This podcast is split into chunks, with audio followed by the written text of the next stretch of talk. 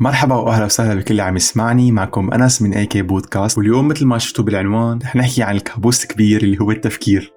طلعت معي على القافية. طيب رح بلش معكم بإني أعطي وصف صغير وسريع للتفكير المفرط أو ال overthinking بإني أسأل هذا السؤال الجميل. ايمت بيكون التفكير عادي وايمت بيكون التفكير مفرط؟ طيب بيكون التفكير مفرط لما ينشغل عقلنا بطريقة مبالغ فيها بأمر أو عدة أمور ولمدة طويلة. فلما يجتمع هدول العنصرين الرئيسيين اللي هن تفكير مبالغ فيه واحد اثنين لمدة طويلة فهون بتقدر تسمي حالك اوفر ثينكر بكل رياحة.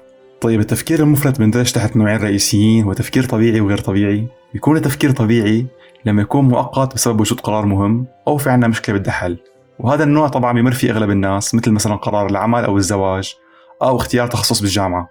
التفكير غير الطبيعي هو التفكير بعدة أمور مثل مثلا استرجاع أحداث بالماضي وتحليلها وتأنيب النفس والندم والقلق من المستقبل واللي حيصير فيه.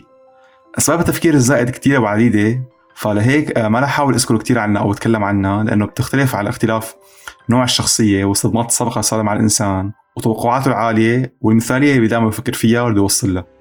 طيب آه، أنا اليوم عم حاول إني ركز على موضوع مساوئ ومحاسن ال overthinking أكثر من اني ركز على تعريفه أو ماهيته. لأن بظن كلياتنا قرانا عن هالموضوع كلياتنا بنعرفه وهذا التعريف اللي أنا اعطيتكم إياه من شوي فبلخص الموضوع بشكل كتير كبير.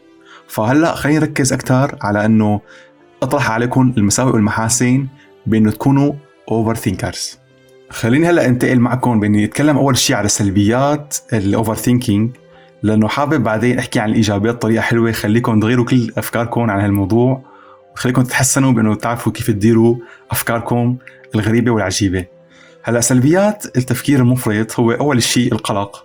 فأنه الواحد دائما عنده قلق ودائما يفكر بشغلات غريبة ويومه غير منظم عنده شلل بالقرارات وما بيعرف يحل الأحداث بشكل بشكل نظامي أو بشكل صريح ودائما عنده تسويف. يعني دائما وقته غير منظم غير مدرك للوقت بشكل كامل.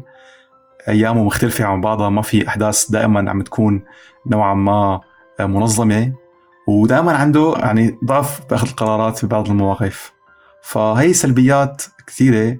منها بتأدي هاي الأمور لأنه عدم انتظام النوم وبنفس الوقت بتخلي الواحد دائما آه، مربط وما عارف شو بده يعمل.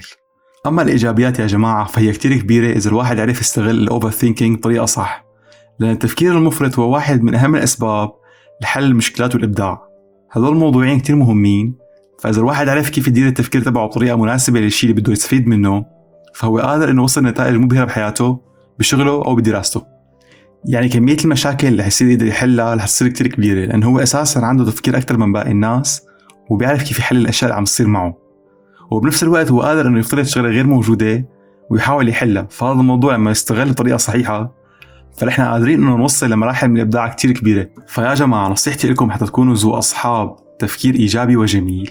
بإنكم تاخذوا الحياة على إنها هي رحلة وبدال ما تفكروا بنهاية هالرحلة أو الطريق الطويل تبعها بإنكم تفكروا بالخطوة الجاية اللي بدكم تعملوها لحتى توصلوا للشيء اللي بدكم ببالكم وعبالكم تعملوه. أو لحتى توصلوا للحياه الجميله اللي أنتم عبالكم تكونوها. لأنه الوقت اللي إحنا أساسا بنضيعه إحنا عم نفكر بالمستقبل المجهول هو أصل المشاكل لأنه كونه نحن عم نفكر تفكير سلبي. فمثل ما خبرتكم خلوا أفكاركم بتكون بالخطوه الجاية اللي بدكم تعملوها وإن شاء الله بتكون أيامكم كلها جميلة وبكون أفكاركم كلها إبداعية.